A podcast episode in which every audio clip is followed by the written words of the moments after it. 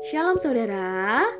Episode kali ini saya akan menceritakan sebuah cerita di balik lagu yang berjudul I Have Decided to Follow Jesus atau saya telah memutuskan untuk ikut Yesus.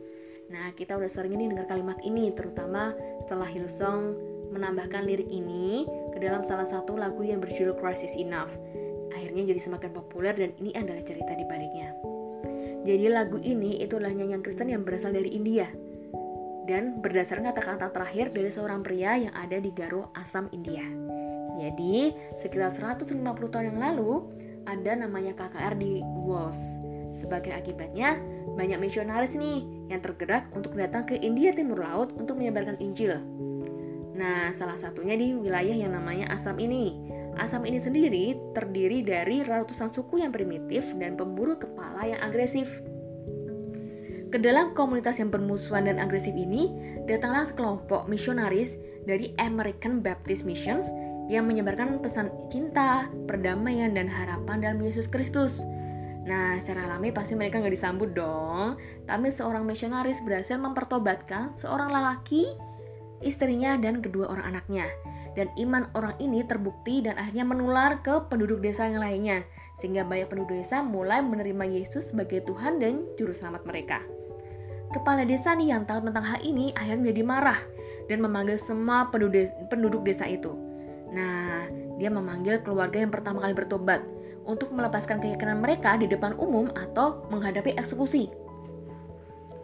Tergerak oleh Roh Kudus, pria yang jadi kepala keluarga ini akhirnya membuat lagu yang otomatis menjadi himne bertahun-tahun ya sudah terkenal sekali.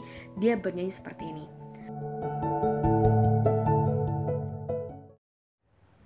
I have decided to follow Jesus. I have decided to follow Jesus. I have decided to follow Jesus. No turning back. No turning back.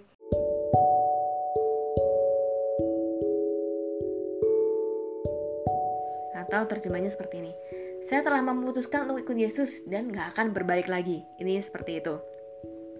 Kepala desa ini menjadi marah nih atas penolakan pria ini. Dan akhirnya memerintahkan pemanahnya untuk memanah dua anak lelakinya. Nah, ketika dua anak lelaki sudah terkapar kejang-kejang dan akhirnya mati, kepala desa itu bertanya, Maukah kamu menyangkal imanmu? Kamu udah kehilangan nih dua orang anakmu. Kamu juga bisa kehilangan istrimu. Tetapi pria ini membalasnya dengan nyanyian seperti ini.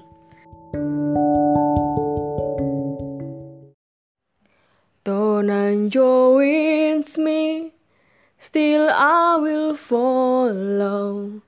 Don't joins me, still I will follow. Don't joins me, still I will follow. No turning back, no turning back.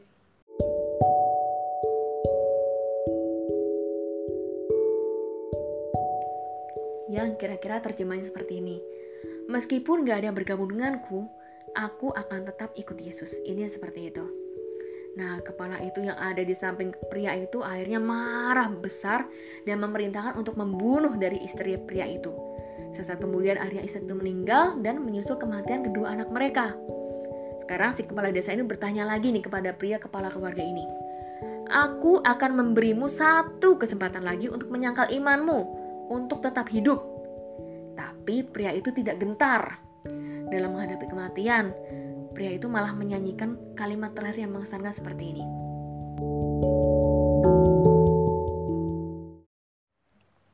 The cross before me, the world behind me. The cross before me, the world behind me. The cross before me, the world behind me. No turning back, no turning back.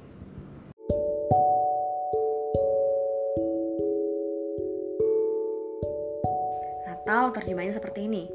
Salib di hadapanku, dunia di belakangku, dan aku gak akan berbalik.